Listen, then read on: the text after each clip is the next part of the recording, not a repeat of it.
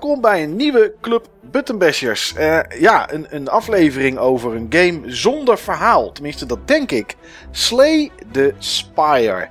Niels, Slay the Spire. Uh, vorige aflevering hadden we Half-Life 2. Iets met verhaal en allerlei physics en, en dat soort dingen allemaal. Nu hebben we Slay the Spire. Dat is echt iets heel anders. Ja, het is volgens mij ook voor het eerst dat we een nieuwe game pakken. Een game die net uit Early Access is. Ja. Die net uit is ook op andere platforms dan PC. Dus in heel veel opzichten is het anders dan wat we tot nu toe met Club Button Bashers hebben gedaan. Maar het is ook wel een game die, uh, die tegen mijn verwachting in toch ook weer een aantal mensen heeft mee laten spelen. Dat had ik inderdaad ook niet verwacht. Uh, voor als je voor het eerst naar Club Buttonbashers luistert. In Club Buttonbashers spelen eh, Niels en ik een game. Ongeveer een maand lang. Of een, soms een week of vijf. Afhankelijk van of de game lang is of niet. En hoe het voor de rest uitpakt. Met, met ons privé zeg maar. Uh, en ook eventueel met leden die meespelen. En als ik het heb over leden die meespelen. Dan heb ik het over de leden op het forum van, uh, van ons. Van Buttonbashers. Uh, mocht je daar nog nooit geweest zijn. www.button-bashers.nl En daar staat altijd in het kopje afleveringen en uh, discussie. Zo heet het, ja. Afleveringen en discussie staat altijd een topic wat we voor Club Buttonbashers op dat moment aan het spelen zijn. En ja, daar kunnen alle leden van het forum kunnen daar op, uh, op meedoen. En uh, ja, hun, hun, hun ervaringen met ons delen, die wij dan weer meenemen in de afleveringen. Soort, jij omschreef het ook ooit een keer mooi nieuws als een soort boekenclub. Juist, een soort boekenclub, ja. ja. En wat dan apart is van deze is, kijk, een boek als Half-Life 2 of uh, Super Okami. Metroid, Okami, Grim Fandango. Veel mensen hebben die toch wel in huis of hebben die al gespeeld. Ja. Maar Slay the Spire was direct nieuw. Kostte 25 euro geloof ik. Tenminste, dat is wat ik ervoor heb betaald. Ik heb er volgens mij 20 voor betaald op Steam. Ja. Ja. Ja, weinig reviews zijn erover. Geen bestaande fanbase of uh, ja, of... Nee, eigenlijk is er weinig van. Er is heel weinig van. Ja, het enige is, en uh, op het moment dat deze uitzending uitkomt, weet ik niet of het nog zo is. Maar uh, mocht je straks denken na het luisteren: hey, ik wil dit proberen, of dit klinkt interessant. Op het moment van opnemen, in ieder geval, uh, zit de game in de Xbox Game Pass voor PC. Daar zit die gratis in. Tenminste, je betaalt uiteraard voor de Xbox Game Pass. Maar Xbox Game Pass voor PC, daar zit de game bij in. Dus dat is wel, uh, ja, dat kan je het in ieder geval als je de Game Pass toch hebt proberen. En anders als je nog nooit de Game Pass geprobeerd hebt, is de eerste maand een euro. En daarna volgens mij op dit moment nog steeds 4 euro als je alleen de Xbox Game Pass voor PC neemt. Dus wat dat betreft kan je het dus voor vrij goedkoop proberen. Um, ja, Slay Spire is een game zonder volgens mij heel erg veel verhaal. Althans, er zal vast een backstory zijn, maar dat is niet iets wat je verteld wordt in de game. En het is een roguelike kaart battle game. Tenminste, dat is denk ik hoe ik het omschrijf, Niels. Ben je het daarmee eens? Of zeg je van nee man, je hebt er echt helemaal niks van begrepen? Nee, ik ben het ermee eens. Ik denk als ik er woorden aan zou mogen geven, dan zijn het eerder soort categorieën in plaats van een genre. Het is mhm. ook ja, toch een soort van chimera aan genres bij elkaar. Het is inderdaad card battles, maar de card battle is gebaseerd op een systeem dat heet deck pooling. Uh, uit bord- en kaartspellen. Ja. Het bestaat al langer. Bijvoorbeeld, ik heb het wel eens gehad in de Button Bashers podcast over Star Realms. Dat was zo'n game. Klopt. En Dominion is zo'n game. En Ascension is zo'n game. Dus er zijn allerlei voorbeelden van. Maar het is gekoppeld met een roguelike. Dus een, een spel waarin je een soort run doet. En die kan mislukken en dan zou je weer helemaal opnieuw moeten beginnen. Ik zie ook een bepaalde verwantschap met Dead Cells. Waarin mhm, jij zeker. Uh, eigenlijk met een soort ja, randomness begint. In Dead Cells kreeg je een, twee soorten wapens, of een wapen en een schild. En dat bepaalde de strategie voor jouw run. En dat is hier ook zo. In het begin kom je bij, maar daar komen we zo nog wel op, maar dan heb je een soort van space whale. Een soort grote ja. walvis met drie ogen. En dan kun jij een perk kiezen. En dat is of een relic of zo, en daar komen we ook nog op terug. Of het zijn bepaalde kaarten, maar die bepalen heel erg hoe je je strategie kan gaan vormen. Ja. Kijk, je kan het beste aansluiten bij middelen die je al hebt. Ja, ja, ja, dat klopt. En het is ook een klein beetje een soort van roleplaying game. Mm, ja, ja, zeker. Ja. Ja, wat het is, is. Um, Slay Spire is een, uh, een game dat als je die start, kies je een, een personage. Nou, op dat moment kan je er maar eentje kiezen. Want daar, uh, daar begint de game mee. En dat is de Ironclad. En dat is een beetje uh, de simpelste class, denk ik. Er zijn er op dit moment drie. Uh, er is een vierde aangekondigd, die volgens mij gratis ook is. ja, ehm, klopt. Ja, ja, die komt ergens in het najaar, volgens mij in november of zo, als ik het even uit mijn hoofd zeg. Maar er zijn drie classes. En je hebt de, de, soldaat, dat is het Ironclad. De Silent, dat is een hunter. En je hebt de Defect, dat is een soort robot-achtig figuur met, uh, ja, met orbs, met een soort lichtballen om hem heen. Nou, je begint met de Ironclad. Soldaat heeft 80 hitpoints.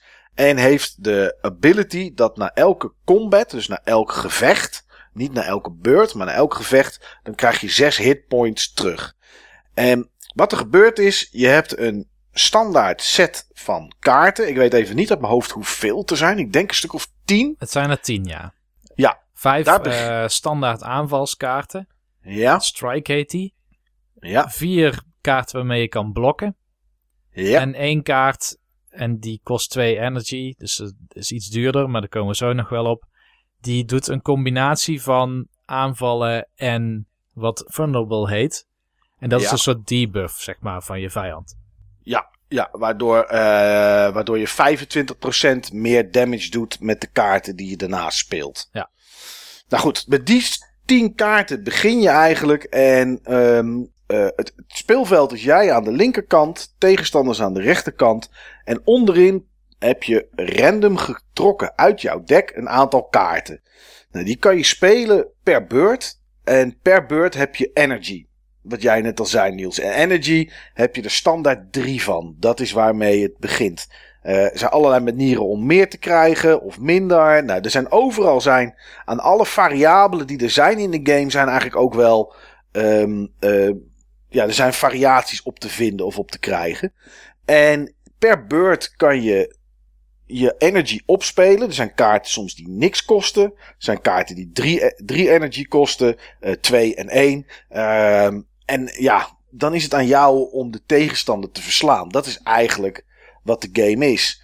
Alleen, de truc zit hem erin dat je gaande door het spel, en dat is na elk gevecht, dan komen de interessantere momenten. Want dan komen de keuzemomenten over hoe, jou, hoe jij jou, jouw deck voor de rest van het spel gaat bepalen. Want als je kaarten op zijn, je hebt tien kaarten, je krijgt er uh, volgens mij vier in je hand, standaard. Vijf. Zeg vijf. En die kan je spelen. Alles wat overblijft gaat in een aflegstapel. Samen met alles wat je gespeeld hebt. In theorie. Er zijn ook kaarten die gaan in een stapeltje die niet meer terugkomen, dat gevecht. Um, en is jouw hand op, dan wordt alles wat in de aflegstapel zit geschud en dan krijg je nieuwe kaarten uit. Nou, als je klaar bent met een gevecht, krijg je gold. Daar kan je bij Merchant wat mee kopen. En je kan een extra kaart kiezen om aan jouw deck toe te voegen. En dat Niels, dat is wel een belangrijk keuzemoment. Ja, dit bepaalt wat jouw strategie wordt. En jij zei al, uh, we hebben het nu over één karakter, de Ironclad. Ja. En de Ironclad die heeft als unieke skill, zal ik maar zeggen, strength. En ja. uh, strength zijn losse kaarten, dus dan bouw je een soort kracht op en daarmee kun je harder slaan. Maar er zijn ook kaarten die reageren weer op strength. Bijvoorbeeld uh, attacks die sterker worden naarmate je meer strength hebt. Ja, het is het, is het kiezen van zo'n kaart daarna. En, en het, soms is het juist slim om helemaal geen kaart toe te voegen. Um, ja, want als je heel veel kaarten in je deck hebt zitten, maar je hebt er maar, stel ik, je hebt 30 kaarten in je deck, maar er zijn twee hele goede kaarten. Je strategie hangt af van die twee kaarten. Dan kan het heel wat potjes duren of rondjes duren voordat je die twee kaarten hebt. Ja, precies. Ja. Dus soms kun je bij een merchant, in plaats van dat je een kaart koopt, misschien ook juist ervoor kiezen om een kaart te verwijderen uit je deck. Ja, die je eigenlijk die je ergens een keer gekozen hebt, of misschien gekregen hebt, die je eigenlijk helemaal niet wil gebruiken meer, omdat, ja, omdat je en je kaarten die beter hebt, niet snel genoeg in je hand hebt, of omdat die kaart uh, eigenlijk niet doet wat je verwacht. En dat is het mooie. En als je dat goed kan balanceren, als je je deck goed kan balanceren zonder dat je van tevoren dat samen kan stellen, want je stelt het samen terwijl je speelt, Daar zit wel echt een hoop kracht in. Want daar kan je combinaties kan je daarmee maken. Een, een combinatie bijvoorbeeld. En uh, een van onze leden op het Buttonbashers Forum. Die, uh, die meegespeeld heeft, Mark Scamp. Die zei dat. Je hebt kaarten waarmee je armor krijgt. Uh, als je speelt, je hebt, een, je hebt een balkje, dat zijn je hitpoints. Je ziet de tegenstanders en de tegenstanders laten boven hun hoofd zien wat ze gaan doen. Daar zie je bijvoorbeeld een, een, een, een, een zwaard en er staat bij 2 keer 5. Dan weet je dat die tegenstander bij jou aan het einde van jouw beurt, want het is om en om, het is turn-based. Um, dan weet je dat die tegenstander 10 damage aan jou gaat doen. Dan kan je ervoor kiezen om armor te verzamelen door kaarten te spelen die dat hebben. Maar je kan ook denken van oké, die 10 damage kan ik wel hebben en dan kan ik meer uh, schade aan hem toebrengen. Dat is een keus die je maakt. Dat is een strategische keus. Maar je kan ook armor bijvoorbeeld verzamelen. En uh, later in de game, dat kan je nog niet vanaf het begin, omdat je daar de kaarten nog niet voor hebt of de relics. Kan je ervoor zorgen dat die armor die je verzameld hebt blijft staan. Want anders verdwijnt dat na een beurt. En dan kan je dat verzamelen, kan je verdubbelen. En dan kan je ook een kaart spelen die jouw damage zo hoog maakt dat het gelijk is aan je armor, maar dat je armor wel weg is. En dat zijn combinaties, als het eenmaal lukt Niels om dat te doen, dan begint die game echt vorm te krijgen. Ja, en het is een combinatie waar je niet per se voor kan plannen. Die kaarten moeten maar net op je pad komen. Voor Klopt. hetzelfde komen ze niet en moet je dus een andere strategie kiezen. Maar dit is ook wel een van mijn favoriete combinaties hoor. En volgens mij de keer dat ik met Ironclad de game heb gehaald, of de, de game, uh, je hebt vier acts. Alleen die vierde act die ontsluit zich pas volgens mij nadat je met alle karakters een keer het hebt uitgespeeld. Maar laten we zeggen, waarmee ik act 3 heb gehaald, dat was ook met die strategie van uh, zoveel mogelijk proberen te blokken. En die blok dan weer als een attack gebruiken. En ik heb dan kaarten ook geupgrade, want dat is ook nog een mechanic die je kan gebruiken. Bij een smid kan dat. Zodat dat uh, attacken met blok, dat het gratis is. Dan kost het je ook geen energie om dat te doen. Ja, ja want het is. Um, als je de game start, dan begin je op uh, Act 1. En elke act is een soort van. Ja, een soort van landkaart, zeg maar. Het is een, het is een route die bepaald wordt. Nee, ja, hoe moet je het zeggen, Niels? Het is, het is een soort van map het is een soort van kaart waar je, over, waar je een route kiest. Je hebt drie of vier routes, of vijf soms. Uh, en het is eigenlijk een soort pad wat je bewandelt. En je ziet al gelijk als je start wat daar op die route jouw tegenstand zal zijn. Uh, je hebt gewone tegenstanders, je hebt elite tegenstanders, die uiteraard lastiger zijn, maar die wel een relic aan het einde uh, als, als, als beloning geven. Ja, en een relic, zal ik vast zeggen, is een soort van passive bonus. Ja, die kan je verzamelen. Dat kan bijvoorbeeld zijn um, als, je, als je geen armor hebt verzameld, dan krijg je aan het einde 6 armor per van de turn. Uh, of voor elke damage die je krijgt, krijg je in de volgende beurt 3 armor. Um, dat zijn relics die, die je kan hebben. Ja, er zijn er zoveel verschillende. En het mooie is om er zoveel mogelijk te verzamelen die ook nog eens goed op elkaar aansluiten. Zodat je aan het, soms aan het einde van je beurt echt dat er, dat er zoveel gebeurt op je scherm dat je gewoon niet meer weet wat er allemaal aan de hand is. Maar het zijn inderdaad uh, acties die je niet hoeft zelf af te trappen, maar die automatisch voor je gebeuren inderdaad. Ja, ja heel belangrijk. En als ik dus op zo'n map waar we het dus net over hadden een strategie ga bepalen, dan kijk ik ook hoeveel van die elites zou ik aankunnen via deze route. En soms heb je ook splitsingen, dus kun je alsnog bepalen om af te wijken van je route. Ja. Um, omdat ik zoveel mogelijk relics wil hebben. Ja, ja maar dat is ook een strategie. Kijk, je, je kiest een pad en daar zou je kunnen denken van... oké, als ik dit pad bewandel, dan kom ik langs uh, vijf vraagtekens, twee rustplaatsen en één merchant. En dan heb ik maar drie tegenstanders. Nou, dat is makkelijk. Dan kan ik er goed doorheen. Ja, dat klopt. Dat is een strategie. Alleen wat je daarmee mist, zijn de relics die je echt wel sterker maken. En dat is in, in het begin zou je kiezen om zoveel mogelijk te vermijden. Uh, tenminste, dat was in ieder geval wat ik had. De eerste keer. Ik denk, nou, ik ga zoveel mogelijk vermijden. Dat ik zo min mogelijk schade heb, uh, heb, heb gekregen. Want aan het einde van een act, dan speel je tegen een spire. Tegen een soort van eindbaas. En als je die gehaald hebt, dan ga je door naar act 2 en dan naar 3. Ehm, maar ja, je hebt die relics ook nodig. Dus dat zijn allemaal keuzes die je moet maken en strategisch en waar je in de loop van de tijd eigenlijk steeds slimmer in wordt met wat je moet doen. Want wat als jij zo'n route gaat beginnen, Niels, kijk je dan daar inderdaad echt naar waar zitten de meeste elites, zodat ik ervoor kan zorgen dat ik zoveel mogelijk relics heb? Ja, ja. Elke act, dan kijk ik naar waar ik uh, elites kan doen, maar waar ik ook nog hopelijk een bonfire heb voor een elite komt. Ja. Dat hadden we nog niet toegelicht, maar dan, dan kun je, heb je de keuze om, volgens mij was het 25 of 30 procent te healen. Uh, 25 procent volgens mij. Ja, van je totale uh, HP te healen. Of om een kaart te upgraden. Nou ja. ja, kijk, kaarten upgraden, daar ben ik sowieso voor. Maar stel dat ik een lastige encounter net heb gehad.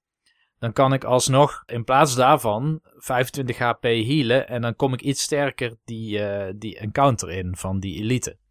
Ja. Maar ik plan van tevoren inderdaad waar zijn voor mij de mogelijkheden om relics te krijgen gratis kaarten. Dat is ook wel fijn. Dus soms heb je kisten op je route. Ja. En kan ik healen mocht het niet lukken. Ja, dat is best wel. Het is, als je het ziet, de allereerste keer dat ik, dat ik de game ging spelen, eh, kwam ik eigenlijk gelijk bij Act 2, bij de, bij de eindbaas daar, en daar ging ik kapot. Eh, en toen dacht ik, oké, nou, uh, ik ben best ver gekomen en ik had eigenlijk helemaal niet het idee van hoe en wat. En wat er daarna bij mij gebeurde was dat ik er strategisch over na ging denken en dat ik veel minder ver kwam. Uh, op dat, de eerste keer was misschien op basis van geluk. Maar daarna ga je nadenken en dan wordt de game best wel, uh, kan best wel lastig zijn. Maar wel interessant.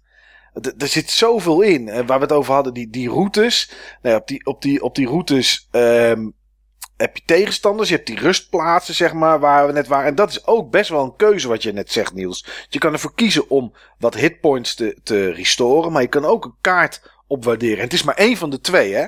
Je kan niet meer kiezen. Het is altijd maar één keuze die je kan maken. Ja. Um, er zitten ook vraagtekens op de map.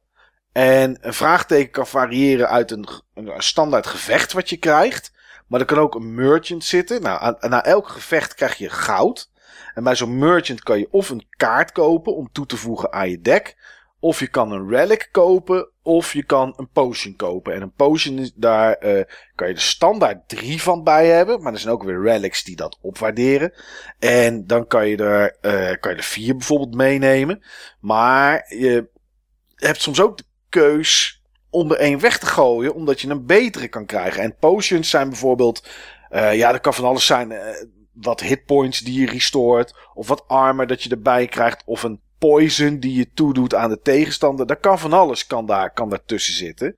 Eh, dus dat kan je bij een merchant kan je dat, kan je dat kopen of kan je dat doen. Of een kaart weggooien zoals jij net zei Niels. Maar die vraagtekens kunnen ook zijn dat je een relic krijgt. Of dat je uh, twee hitpoints van je totaal afhaalt. Maar daar dan weer een kaart voor terugkrijgt. Z zijn die vraagtekens Zoek jij die op of vermijd je die? Want het is wel echt random wat daar gebeurt. Ja, ik zoek ze eigenlijk wel op. Want je, je hebt bijna altijd concessies, maar je hebt altijd wel een keuze. Dus je, hebt, je ja. wint altijd wel iets, maar het is altijd de vraag: wat ben ik bereid om daarvoor in te leveren? En dat is of HP. Het kan ook zijn zelfs dat je al je geld kwijtraakt. Al je goud kwijt, maar dan krijg je wel een rare relic. Nou, die zijn echt heel goed, dus dat doe ik eigenlijk altijd wel. Um, en ik heb een keer een relic gehad die ervoor zorgde dat bij een vraagteken nooit meer een encounter zou komen. Dus dan wist ik zeker oh. dat ik iets kreeg waar ik iets aan had. Oh, dat is wel cool.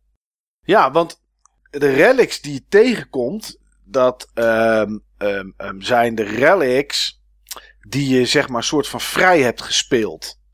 Je kan ze niet van tevoren kopen of bepalen, maar je kan ze per personage wel zeg maar vrij spelen. En dat krijg je door, nou ja, door punten te halen eigenlijk. Want dan unlock je weer zaken. Aan het einde, als het potje is afgelopen, zie je een metertje. Daar lopen dan de punten op. En dan krijg je unlocks. Ja. En die unlocks zijn dan weer nieuwe relics die je in een volgende rondje dan weer tegen kan komen. En zo word je langzaam ondanks dat je er niet mee start, toch iets, toch iets sterker. Ja, en dit gebeurt ook onafhankelijk of dat je het wel of niet haalt. Dus je Klopt. krijgt altijd punten. Je unlockt altijd iets. Dus het is altijd de moeite waard om te spelen. Ik zou dus ook niet zomaar een potje afbreken. Nee, nooit. Nee, gewoon doorspelen. Juist. Ja, ja, inderdaad. Ja, elk rondje is ook anders. Eh, je begint altijd op level 1. Dat altijd. Act 1, gewoon level, level 1. Daar begin je altijd. Ehm, maar eh, de indeling en eh, hoeveel tegenstanders je tegen kan komen. Of hoeveel vraagtekens er zijn. Dat is elke keer weer random bepaald. Maar het enige wat niet random is, waar jij het net in het begin over had, Niels, is die soort space walrus of zo. Walvis die je tegenkomt. Die is er elk potje hè, als je start. Die is er altijd, maar wat die aanbiedt is niet altijd hetzelfde. Nee. Ehm, en dat is ook concessies, toch? Als je begint. Je kan vaak een relic kiezen voor bijvoorbeeld hitpoints. Maar of dat je gepoisoned bent voor een relic. Of dat is ook anders, hè? Ja, wat hij vaak doet, is dat hij twee hele goede rewards doet met een concessie. En twee minder rewards. En die zijn, die krijg je gewoon. Bijvoorbeeld 50 goud of zo. Of ehm, drie potions. Die krijg je ook zonder dat je er per se iets tegenover hoeft te zetten. Ja. Ja, en dan hebben we het eigenlijk alleen nog gehad over de Ironclad, een soldaat. Maar je hebt ook nog de Silent en de Defect. En ik moet zeggen, Niels, van alle drie de personages vind ik de Defect eigenlijk het tofst. Dat is de enige die ik niet heb gespeeld tot nu toe. Oké. Eh, welke vind jij dan toffer? De Ironclad of, of de Silent? Nou ja, de Ironclad, die ken ik nu heel goed. Daar ken ik alle strategieën van. Of niet allemaal, maar ik ken er een aantal strategieën van. Dus die vind ik sowieso heel erg leuk. Ja. En de Silent, die vind ik vooral nog ingewikkeld. Die cycelt heel snel door kaarten heen. Dus Ja. die doet niet heel veel damage. Je probeert vooral om via poison, zeg maar, eh, vijanden zichzelf af te laten maken. Maar ondertussen, alles trekt weer een nieuwe kaart. En ja, je bent toch beperkt in je energie. Dus je krijgt wel een hele hoop kaarten, een hele hoop keuze. Alleen het zijn altijd maar kleine efforts, zeg maar. Vergeleken Ja. met de Ironclad, die echt gewoon... Ja, ik heb wel eens ooit 130 damage gedaan of zo. ja, dat is wel lekker. Want Ironclad heeft inderdaad kaarten erin zitten. Eh, kost je dan wel vaak 3 energy. En dan ben je er vaak wel in één keer doorheen. Maar die doen in één keer 32 damage. Ja. Eh, is een standaard kaart. Nou, die zou je een keer kunnen upgraden. Je zou debuffs op de tegenstanders kunnen doen. Waardoor ze zwakker zijn. En strength aan jezelf kunnen geven. Waardoor, jou, eh, waardoor je meer kracht hebt. Ja, dan kan je wel een hoop damage ermee doen inderdaad. Ja. ja, de defect zou ik toch een keer aanraden Niels. Want de defect is een soort robot. En die heeft om zich heen... eh, heeft die orbs. Heeft die soort balletjes. En standaard krijg je er één. Dat is een lightning orb. En die hebt standaard, want ook dat is uit te breiden, nog plek voor twee van die orbs. En die orbs die doen iets aan het einde. Eh, je hebt bijvoorbeeld een lightning orb, die doet 3 damage tegen alle tegenstanders. En je hebt een ice orb, die geeft je twee of drie blok aan het einde. Eh, en zo zijn er een aantal verschillende orbs. Maar die orbs kan je ook weer ehm, ehm, ehm, ja, op, opmaken, zeg maar. Die kan je eh, gebruiken met bepaalde kaarten. Zegt hij van oké, op, op destroy de, de, de eerste orb die je hebt. En eh doe dan twee keer de damage die die zou doen. Dus eh, zo'n lightning orb doet standaard 3 damage. Maar als je hem absorbt, dan doet hij 5 damage. En heb je weer kaarten die, er dan, eh, die dat kunnen verdubbelen. En je hebt een kaart die ervoor kan zorgen dat je 5 orbs om je heen hebt. Als je 5 van die lightning orbs hebt, die 3 damage doen tegen alle tegenstanders aan het einde van de beurt. Dan kan je gewoon 15 damage doen aan het einde van de beurt. En dan gebeurt er van alles aan het einde.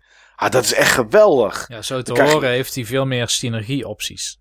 Ja, zeker. Ja, ja, ja. Als je het vergelijkt met de Ironclad, wat gewoon eigenlijk domme, brute kracht is. eh, echt een, gewoon een soldaat slaan en blokken en dat, dat is het, zeg maar, in de basis. Dan is de defect, die heeft echt heel veel toffe dingen. Ja, ja, dat is echt heel gaaf.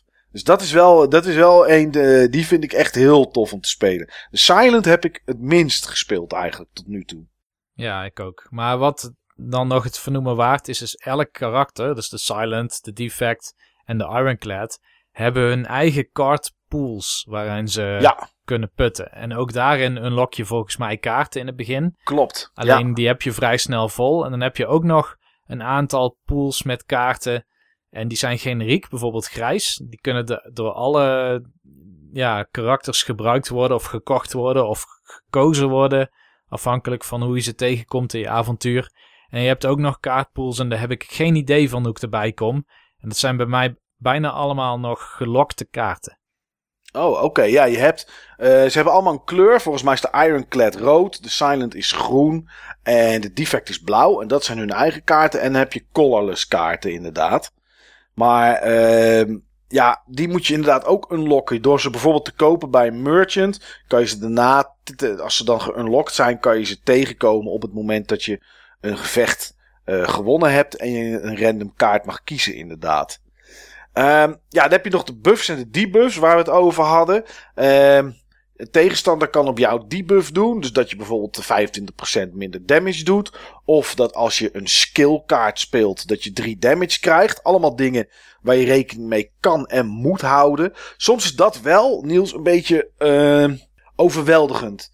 Want dan kijk je naar je, je balkje van je hitpoints. Dan heb je bovenaan een hele rij met relics staan die allemaal iets gaan doen als je klaar bent met een beurt. Tenminste kunnen doen. Sommigen doen het na zeven beurten, de anderen na drie of als er iets met jou gebeurt. Maar vaak hebben ze wel effect op het moment dat je klaar bent met, jou, uh, met jouw beurt.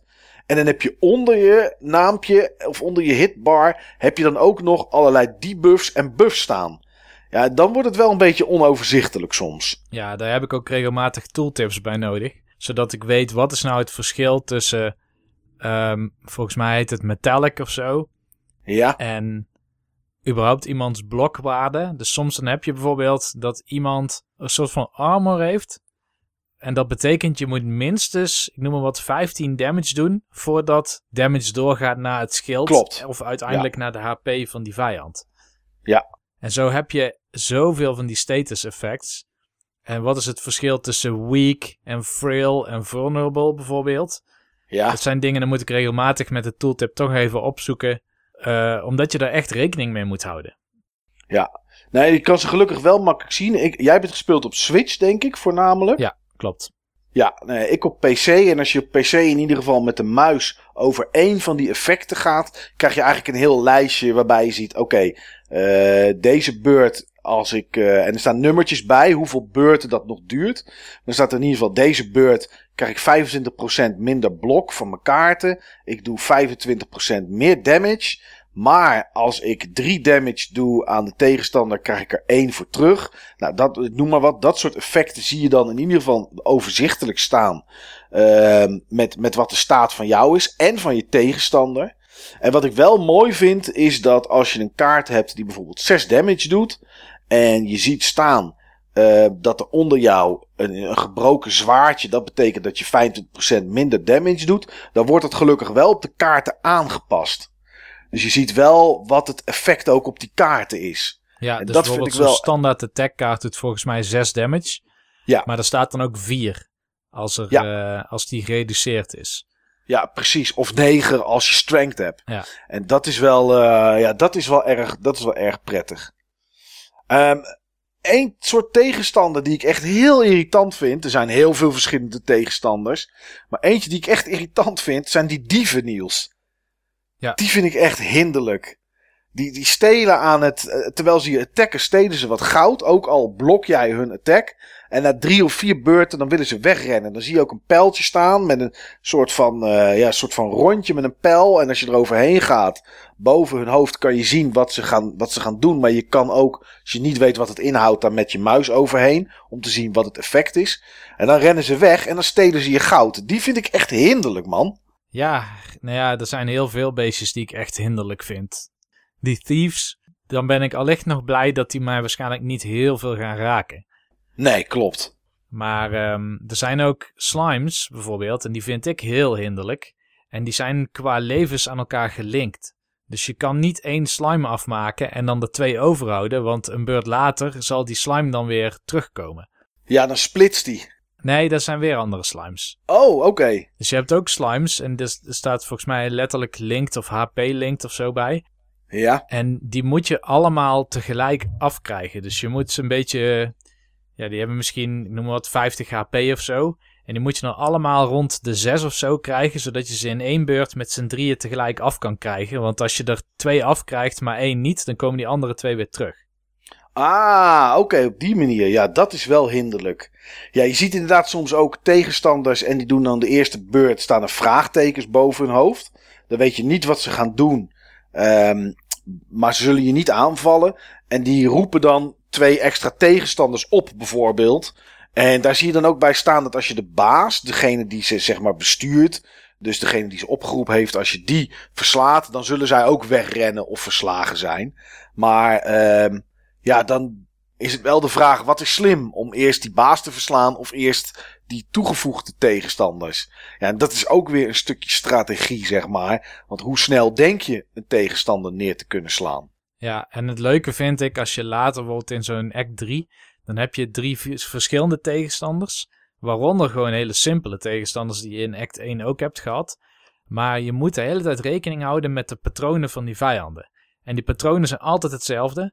Bijvoorbeeld eh, de vijand die je bijna altijd eerst in act 1 tegenkomt, die zal waarschijnlijk in eerste instantie eerst niks doen, dan grow, daarmee bufft hij zeg maar zijn attack, en dan aanvallen. Dus het is altijd wel slim om in je eerste twee beurten zoveel mogelijk alvast damage te doen, om hem misschien zelfs al af te hebben voordat hij ooit de kans heeft aan te vallen. Ja, zodat je eventueel, als die niet af is, in je derde beurt dan kan blokken. Ja, maar als je dus drie van die tegenstanders, drie verschillende tegenstanders in act 3 naast elkaar hebt, ja, dan wordt het ingewikkeld. Want dan weet je, deze vijand die gaat mij over twee beurten heel hard slaan. Ja. Um, en die doet nu nog niks. Dus die zou je of af kunnen maken, of je richt je alvast op die vijand die nu deze beurt al dingen gaat doen. En dan heb je ook nog eens vijanden, bijvoorbeeld dat zijn die slimes die jij net bedoelde. Die kunnen mm je ook nog eens likken. En dan Klopt. worden kaarten van jou slimed. Dus die kun je dan niet meer gebruiken. Dat zijn kaarten en die worden dan voor de rest van die battle onklaar gemaakt.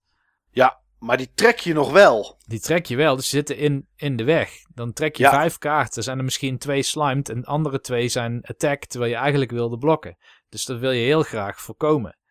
En je ja, kan ook kaarten dat zijn echt frustrerende beurten. Ja, maar die, wat dacht je van Burn? Die vind ik irritant.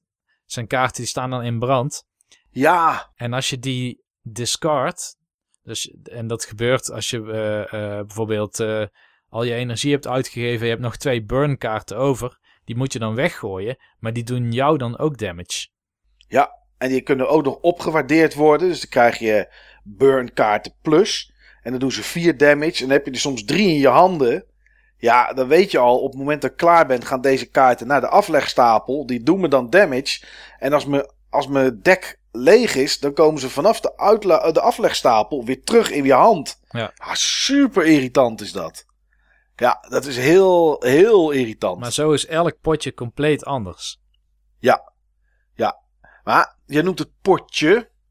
ik, ik, vind het, het is wel, ik vind het wel eerder pot, zeg maar. Uh, dat klinkt een beetje vreemd in plaats van potje. Maar het is op zich een half uur per, uh, per act is eigenlijk vrij standaard. Ja, nee, dat klopt. Je bent, je, je bent best wel even bezig met zo'n, met zo'n potje. De keer dat ik het ook heb uitgespeeld met die Ironclad, of dat ik die de derde act heb gehaald. En dan, dan krijg je een scherm wat erop duidt dat je het hebt gehaald, zeg maar, dat je het hebt uitgespeeld. Ja. Toen heb ik er anderhalf uur over gedaan. Precies. Nou, ik heb uh, met Ironclad heb ik hem wel al uitgespeeld. Met die andere twee nog niet. Wel in act 3 gekomen, maar nog niet uitgespeeld. Dus uh, nou, dat ga ik zeker nog wat doen. Want ik vind het echt een hele vermakelijke game. Wat ik er ook mooi aan vind, is dat je ten alle tijden kan stoppen en kan opslaan. Dus dan, uh, het is, bedoel, ik speel ook, ook Hearthstone. Uh, dat is wel tegen andere mensen is het heel anders. Maar daar kan je niet na 20 minuten denken van oké, weet je, ik sla het op en ik speel het straks verder. Uh, dat kan gelukkig met Slay the Spire, kan dat wel. Daar kan, je, daar kan je gewoon opslaan op elk moment en kan je later doorgaan. Um, maar ja, inderdaad, elk rondje is, is anders en duurt gewoon ook even. Maar zodra je kapot bent, heb je ook altijd het gevoel dat je niet. Je krijgt niet alleen uh, punten voor je unlocks. En misschien heb je wat nieuwe kaarten ben je tegengekomen. Je hebt ook altijd het gevoel dat je weer iets geleerd hebt van een tegenstander. En, dat geeft wel het gevoel van: oké, ik ga nog een potje starten. Uh, om het toch weer eventjes te proberen, zeg maar. Ja. En dat vind ik echt wel heel erg goed aan de game. Uh, grafisch is het niet heel bijzonder. Het maakt niet zo heel veel uit, maar toch, laten we het er even over hebben. Het is allemaal vrij statisch. Tegenstanders die aanvallen, die schuiven ook gewoon naar voren. En dan hoor je klonk. En dan hebben ze je aangevallen. Ehm, ja, op, op strategieën hebben ze behoorlijk diep ingezoekt. Maar ja, voor de rest is het allemaal een beetje basis, hè Niels? Ja, ja, ik dacht zelfs toen hij in early access was, dat wanneer die uit zou komen, niet meer in early access en op andere systemen, dat hij nog wel een complete makeover zou krijgen. Bijvoorbeeld als jij die, als je bij zo'n uh, bonfire bent en je gaat dan naar die smid, dat is wel zo gaar getekend. Het lijkt wel alsof dat iemand dat in paint heeft gemaakt. ja, dat klopt. Sommige plaatjes zien er echt niet uit. Dan, eh, dan kies, ben je inderdaad bij zo'n bonfire. Dan kies je rust, dat je, wil, dat je hitpoints wil restoren. Dan wordt het beeld even wit zo van, oh, je bent... Nou, dit was het. En dan zie je een plaatje, ja... Dat oogt als niks gewoon. Het lijkt allemaal work in progress. Of, ja. of placeholder art of zo. Maar het is gewoon zo in die game gekomen. Ja, ja, het zit er gewoon in. En het, de eerste keren verbaas je erover. En daarna denk je, nou ja, het is eigenlijk wel prima ook zo. Want de game zelf is gewoon fun. Het is, ja, die game is gewoon echt heel leuk. Het is, het is een simpele opzet, maar er zit zoveel diepgang in. Um, laten we even wat mensen van het forum erbij pakken. Uh, dat is best wel apart. Dat, wat jij zei aan het begin, Niels. We hadden niet verwacht dat er mensen met dit met ons mee gingen spelen. Uh, de manier ook dat we aan de game gekomen zijn trouwens. Ik heb het ooit wel eens gezien op Twitch. Toen dacht ik van, hey, dit zijn normaal mensen die Hearthstone spelen. En die spelen nu in één keer dit. Wat is het? Oké, het ziet er wel grappig uit. Heb ik er een kwartiertje naar gekeken. Toen dacht ik, nou, ik ben er wel klaar mee. Want dat, is, dat vind ik wel aan deze game. Uh, als je het ziet en je gaat het niet proberen, dan denk je, ah, oké, dit is saaie bol. Ja. Dit is, dit is, weet je, je moet het echt een keer geprobeerd hebben. En jij kwam er toen een keertje, een tijd geleden, bij mij mee aan. Twee maanden geleden of zo, of misschien anderhalf, ik weet niet eens. En toen zei je van Sleden Spire, ken je dat? Toen moest ik even googlen wat het ook alweer was. Toen zei ik, oh ja, heb ik wel eens gezien. En toen had een collega van jou, die had het gekocht. En daar had jij het gezien. Zo ging jij het kopen. En toen ging ik het ook weer kopen. Dat was volgens mij het pad, hè? Dat was het pad. En die collega die was al maanden bezig met mij te pushen om de game ook te kopen. Want ja. Um, het zijn eigenlijk twee collega's. Eén collega die had hem al heel erg lang. En die heeft een andere collega getipt. En die collega die heeft in Steam al honderden uren in Slay Spire gestopt. Oké, netjes. En toen zou die naar, de, naar consoles komen. Ja, zij heeft net als ik, heeft zij gewoon alle systemen staan. En ja, zij heeft hem toen ook voor de Switch gekocht. Ook omdat hij dan touchscreen support zou hebben. Nou is die niet zo fijn als de button support. Dus ik speel hem altijd gewoon met knoppen. Maar ook daar heeft ze weer meer dan 100 uur er al in zitten.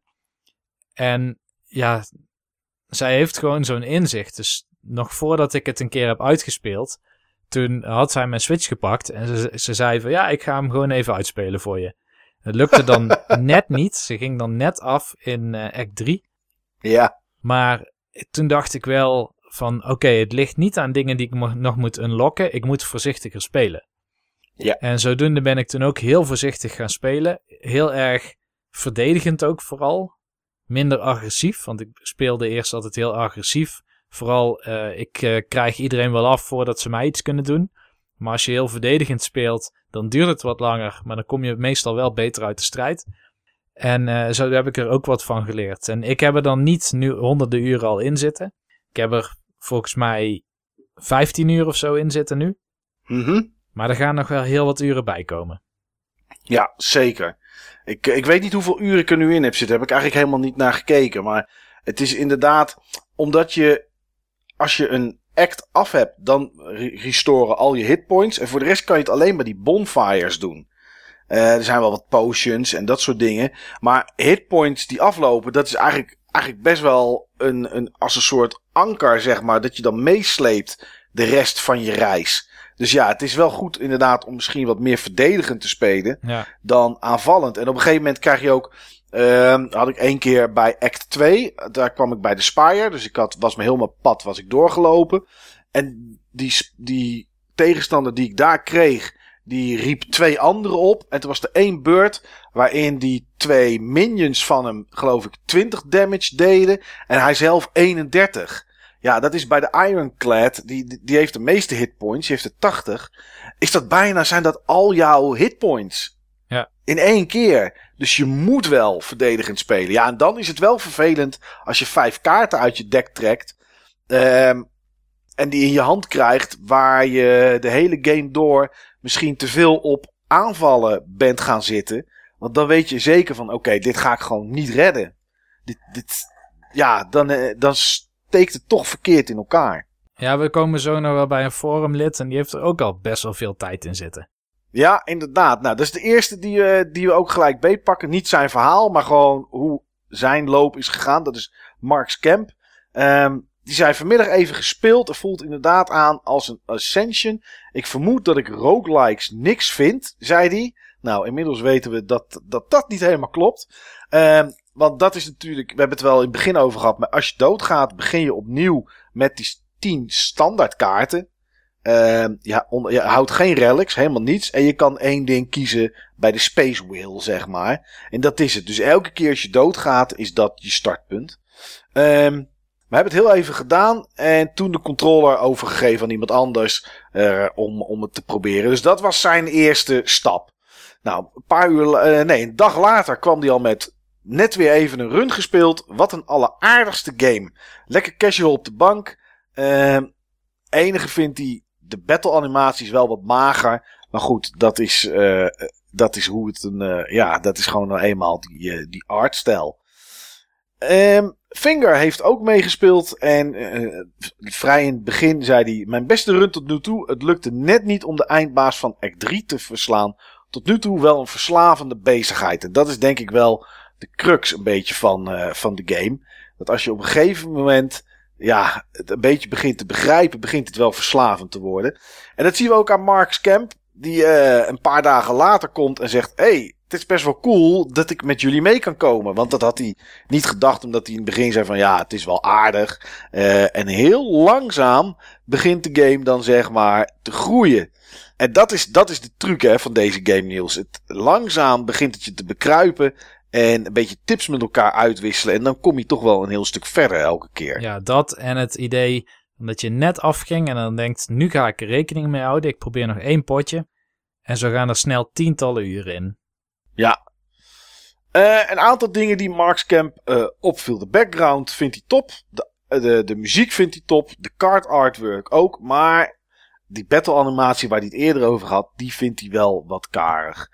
De artwork van de enemies vindt hij erg origineel. En het gaafst vindt hij om combo's te maken en daar dan je gameplay op af te, af te stemmen. Dat geeft hem ja, een heerlijk gevoel, zoals hij dat zelf zegt. Geen timer, daar hebben we het nog niet over gehad. Maar dat is in heel veel kaartgames is dat wel. Dat op een gegeven moment heb je een aantal seconden en dan is je beurt om. Maar dat heeft deze game gelukkig niet, Niels. Als je een uur wil nadenken over een beurt, doe het maar, weet je. Boeit niet. Nee, er zit ook niemand op je te wachten hè, om je beurt te doen. Dus dat Nee, kan klopt. wel. Ja, je speelt inderdaad niet tegen, tegen, tegen tegenstanders. Ehm, ja, dus dat, dat is inderdaad, dat is, eh, dat is wel prettig. Ehm, er is geen online play, zegt hij. Dus er is geen mens dat je ergert of, eh, of wat dan ook. Eh, random shops en vraagteken en rooms zijn altijd een verrassing. Of een teleurstelling, zegt hij. Dus dat is, eh, dat is goed. En op dat moment had hij 34 uur in de game gestoken. Dus het begon wel, het begon wel op te lopen langzaam, langzaam bij hem. 24 Eh, was het hier, hè? 24. Oh ja, 24 inderdaad. Toen hij deze dingen had. En, en, en drie dagen later was het... Oké, ik heb er nu inmiddels 34 uur in gezet. Ja. ingezet.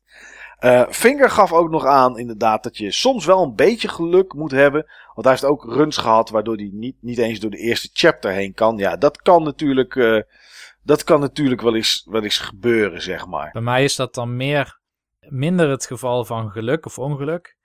En meer het geval van dat ik probeer om veel risico te nemen. Omdat ik ja, op het scherpst van de snede zeg maar probeer te spelen. Dus ik kan nog net deze encounter aan, denk ik dan.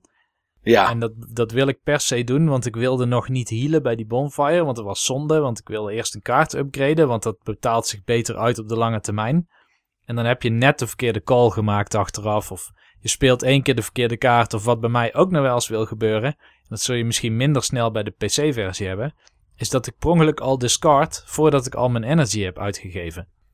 Oh nee, daar heb ik inderdaad op PC geen. eh, dat je end turn zegt, zeg maar, voordat je, en, voordat je al je energy hebt gebruikt. Precies. Oké, nee, daar heb ik op de PC nog nooit last van gehad. Nee. Wel, maar dat is gewoon stommiteit van jezelf. Dat je een kaart in je hand hebt die een tegenstander vulnerable maakt. Dus uh, dat, er, dat er 25% meer damage wordt gedaan. Dat je denkt, oké, deze wil ik spelen. Dat kost me 2 energy. Ik heb er deze beurt toevallig 4 door een relic. En dan wil ik deze kaart nog spelen en deze kaart. Wordt dat mijn strategie? Ja, dat ga ik doen. En dat je dan eerst die twee andere kaarten speelt. En daarna pas die kaart van Vulnerable. Omdat je denkt, deze vier kaarten wil ik spelen. Dus dat ga ik doen. En dan twee keer heb aangevallen en denkt, oh shit. Verkeerde volgorde, hè? Verkeerde volgorde. Ik had eerst Vulnerable moeten maken. Dan had ik 25% meer damage gedaan. Ja, dat zijn wel dingetjes die kunnen gebeuren. Finger zegt voor de rest, uh, ik bleef erg veel plezier aan de game. Het is echt een game die steeds uitnodigt om toch maar weer een run te doen. Wat betreft presentatie is de game aardig, maar blinkt eigenlijk nergens in uit. En moet het vooral van de gameplay hebben en die staat als een huis. Al heb ik wel een paar kritieke puntjes. Ik speelde zelf in het, in het verleden veel Magic. Uh, Might and Magic bedoelt... Nee, Magic the Gathering natuurlijk bedoelt hij daarmee. En ik heb nog steeds een zwak voor dit soort games. Het leukste aan Magic the Gathering was vooral het uitwerken van een deck. En dat je ook een beetje mazzel moest hebben dat je dan de juiste kaarten in de pakjes kreeg. Of dat je een flink bedrag neer moest leggen voor kaarten die je graag in je deck wil hebben. Uh, dat is dan ook een beetje waar ik over val. Je hebt bijna niet de mogelijkheid om voor een bepaalde speelstijl te kunnen gaan. Dat leuk geweest als je je voordat je de run begon toch wat meer vrijheid zou hebben om je eigen speelstijl te kiezen. Het is maar afwachten wat voor kaarten en relics je in je run tegenkomt. Uh, dit is natuurlijk een designkeuze die de ontwerper gekozen heeft, maar het had meer diepgang kunnen hebben als je zelf daar de keuze in had. Ja, dat klopt wel. Uh, je moet het doen met wat je krijgt. En dat is wel random. Maar toch heb ik wel het gevoel dat je op een speelstijl kan, kan een beetje daarop kan afdwingen. Afhankelijk bijvoorbeeld van welke kaarten je upgrade. Of door bijvoorbeeld kaarten niet mee te nemen. Ja, en soms dan brengt die Space Whale de mogelijkheid met zich mee om met een aantal andere kaarten te beginnen. Ja. En dan kun je bijvoorbeeld al, dat, dat kies ik dan bijvoorbeeld, dat ik mijn blok als attack kan gebruiken.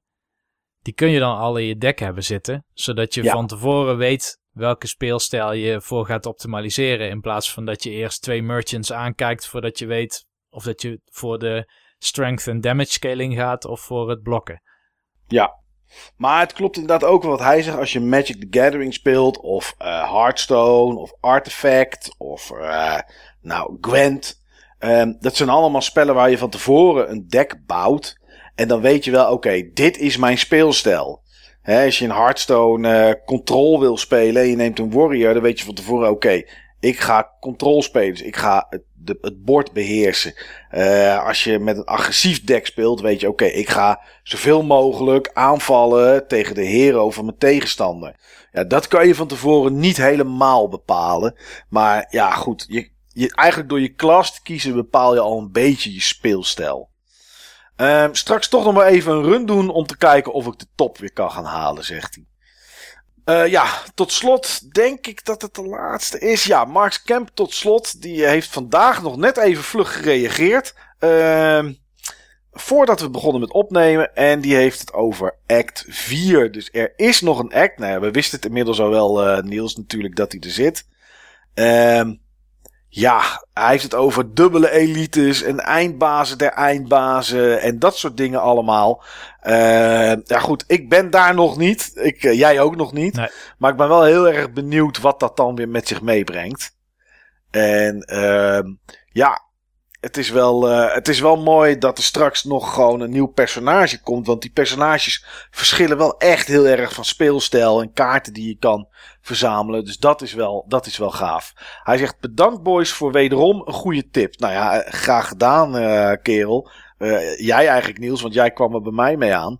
Maar het is toch mooi dat hij, ja, dat hij daar echt heel veel uren in heeft kunnen steken voor iets wat hij, uh, wat hij niet kent. Nee. En zegt ook, inmiddels neuriet mijn vrouw de achtergrondmuziek mee, zonder dat ze het zelf doorheeft. Ze is zo blij met jullie, zegt ze. Nou, dat is, uh, dat is natuurlijk mooi om te horen. Ja, als ja. wij haar tijd niet verspillen, dan... Uh, nee. Ja, bewerken we haar dan wel subliminaal met muziek. ja, precies. Nou ja, en we geven de rust Want uh, Mark Kemp heeft, volgens mij zit hij al aan de 60 of de 70 uur inmiddels in deze game. Dus wat dat betreft uh, hè, doen, we dat natuurlijk wel, uh, doen we dat natuurlijk wel netjes. Ik ben ook wel blij dat het voor Mark Kemp zo'n succes is. Nou, zeker, want hij heeft het gekocht om de, omdat wij het spelen. En dan is het toch prettig dat het, dat het meevalt, zeg maar. Ja, het is natuurlijk een keuze die je zelf maakt. Maar ja, misschien is het ook iets voor hem om dan naar andere games in dit soort in, in een genre als dit te kijken. We hadden het tijdens de E3-uitzending natuurlijk over een uh, game die eraan komt. En dan moet ik heel eerlijk zeggen dat de naam mij even ontschoten is op dit moment. Uh, voor PC, die een beetje hierop lijkt. Ook met kaarten en battelen. Ja, volgens uh, mij was het hetzelfde. Dus ook met um, zo'n deckpooling systeem waarin je begint met een aantal standaard kaarten en gedurende het spel weer nieuwe kaarten eraan toevoegt. En dat je de hele tijd een paar kaarten mag spelen en de rest moet discarden. Ja, inderdaad. Dus ja, dat is wel. Uh, er zijn meer van dit soort games. Dus misschien, nou ja, wie weet hebben we een nieuw genre, een nieuw genre bij hem, uh, bij hem aangeboord. Goed, ik, uh, ja, dit is, uh, dit is tot nu toe ons Sleden Spire avontuur, Niels. Gaat het zich nog voortzetten bij jou? Volgens mij wel, hè? Ja, ik moet sowieso de Silent en de robot, ik ben de naam weer vergeten. de Defect. De Defect, die moet ik sowieso nog uitspelen. Ja. Ik heb nog heel veel kaarten te unlocken. Er komt nog een vierde karakter. Dus ja, er komt nog heel wat playtime bij bij mij.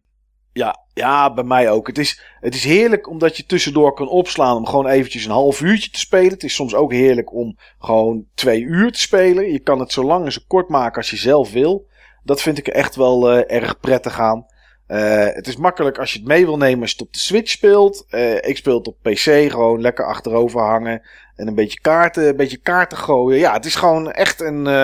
Ja, ik vind het echt een hele toffe game. Ja, je noemt dan nog iets wat ik was vergeten. Maar ik oh. speel dit spel vaak nadat ik een ander spel heb afgesloten. En ik nog een, een minuut of tien of een kwartier over heb. Ja, precies. Je kan in ieder geval altijd alvast ergens aan beginnen. Ja, en het is niet zo dat je daarna vergeten bent van wat heb ik in mijn deck zitten ook alweer. Uh, ja, je krijgt ze toch random toegeschoven. Ja. Dus je merkt het wel op het moment dat je die kaarten in handen hebt. Ja, nee, dat is ook, uh, dat is ook, dat is ook prettig. Ik doe het zelf ook. Heb ik, uh, heb ik iets gespeeld, heb ik twee, drie uur zitten spelen. En dan kijk ik op de klok en denk, nou, ik heb nog een half uurtje. Oké, Steam, Slade Spire en gewoon nog even nog even spelen. Je hebt ook nog daily challenges trouwens, als, dat, als mensen dat interessant vinden. Uh, daar zijn dan wat uh, variabelen op losgelaten.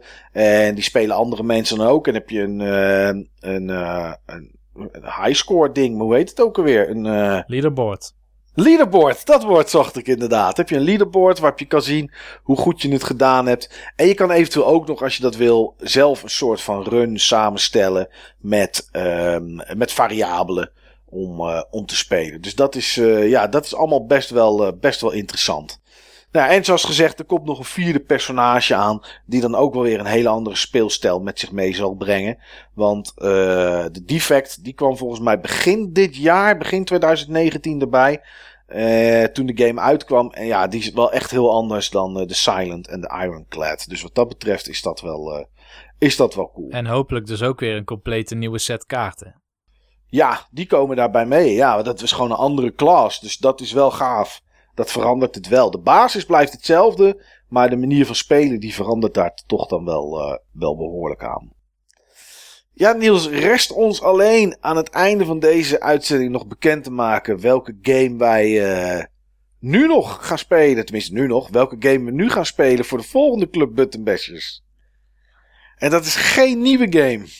Nee, het is weer een hele oude game. En het is weer zo'n game die vaak klassieker wordt genoemd. Ja, we hebben dat natuurlijk al gehad met Super Metroid. Met ah, Okami is, ja, wordt door de mensen die het gespeeld hebben wel als klassieker bestempeld. Uh, Grim van Dango is wel een klassieker. Half-Life 2 hebben we gedaan, is echt een klassieker. Ja, en dit is ook een klassieker. En um, staat bij mij in mijn geheugen nog steeds als een van de beste games die ik ooit gespeeld heb. Maar dat was wel ook in die tijdgeest. Precies, en dat is bij mij ook. We hebben het allebei al een keer gespeeld. Ja, het is uh, Final Fantasy 7 die wij uh, gaan spelen. Uh, Niet de remake, als je vanuit de toekomst luistert. ja, nee, inderdaad. Als je ergens dit in 2020 luistert of zo, of wat dan ook, of 2021, of wanneer dan ook de game maar compleet mag zijn. maar goed, dat zijn allemaal nog wazigheden. Nee, het is gewoon de, de oude Final Fantasy 7. Maar ik ga het wel spelen, denk ik, op de Switch, Niels. Oké, dat daar heb ik hem ook voor. Dus dat is ook het platform waar ik hem op speel. Ja, dat is toch makkelijker als ik een keer weg ben om het mee te nemen. Dan dat ik een PlayStation 1 moet gaan meenemen met mijn memory card en dat soort dingen. Maar misschien dat ik toch ook wel ter vergelijking van de Switch versie, ik weet niet of die anders is. Um, toch, toch eventjes ook een paar uurtjes op de PlayStation 1 ga spelen. Gewoon voor het gevoel. Ja, er zitten wat convenience functies in de Switch versie. Oké, dat maakt het misschien toch iets prettiger om te spelen. Nou goed, uh, dat gaan we zien in de volgende Club Button Bashers. Uh, mocht je Final Fantasy 7 ook willen gaan spelen, of je hebt het onlangs nog gedaan, of vanuit toen en je wil er iets over kwijt. Uh, er is een topic op het Button Bashers forum waar je al je info kwijt kan. zoals je nou, inmiddels van ons gewend bent, zullen wij dat in de volgende uitzending dan wel weer meenemen. Uh, ik, ik, vermoed, Niels, dat dat een iets langere uitzending gaat zijn dan deze van the Spire. Uh, want ja, het is toch wel een behoorlijk grote game. Dus, uh, nou ja, goed. Mocht je je zegje willen doen, kom naar www.button-bashers.nl en doe daar je zegje over of the Spire, of een van de andere afleveringen, of misschien over Final Fantasy 7. En dan nemen wij het in de volgende uitzending mee. Um, hartelijk bedankt voor het luisteren en tot de volgende keer.